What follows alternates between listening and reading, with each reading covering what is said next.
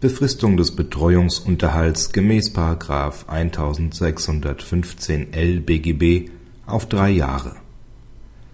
Der Unterhaltsanspruch gemäß § 1615l BGB ist grundsätzlich bis zum Erreichen des dritten Lebensjahres zu befristen, wenn das Kind im Zeitpunkt der Entscheidung noch nicht drei Jahre alt ist.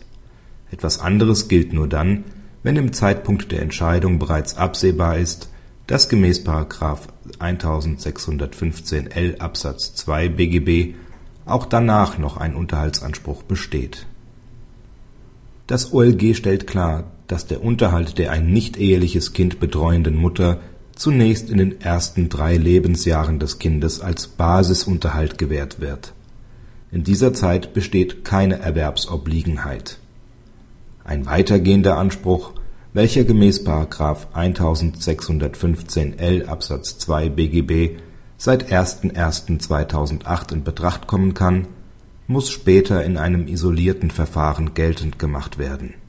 Nur dann, wenn im Zeitpunkt der Entscheidung über den Basisunterhalt feststeht, ob eine Ausweitung der Erwerbstätigkeit in Abhängigkeit mit den Fremdbetreuungsmöglichkeiten und dem Wohl des Kindes nicht möglich und zumutbar ist kann bereits für diesen weiteren Zeitraum ein Anspruch geregelt werden.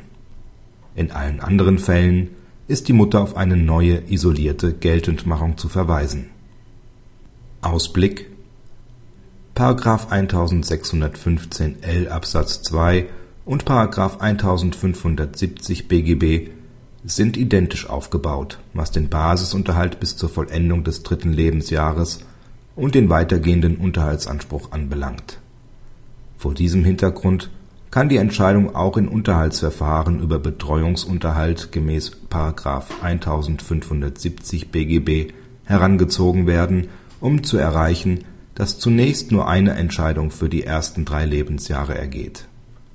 Bisher ist der Meinungsstand in Bezug auf § 1570 BGB ein anderer, nämlich, dass der Anspruch nicht von vornherein auf das dritte Lebensjahr begrenzt werden muss bzw. kann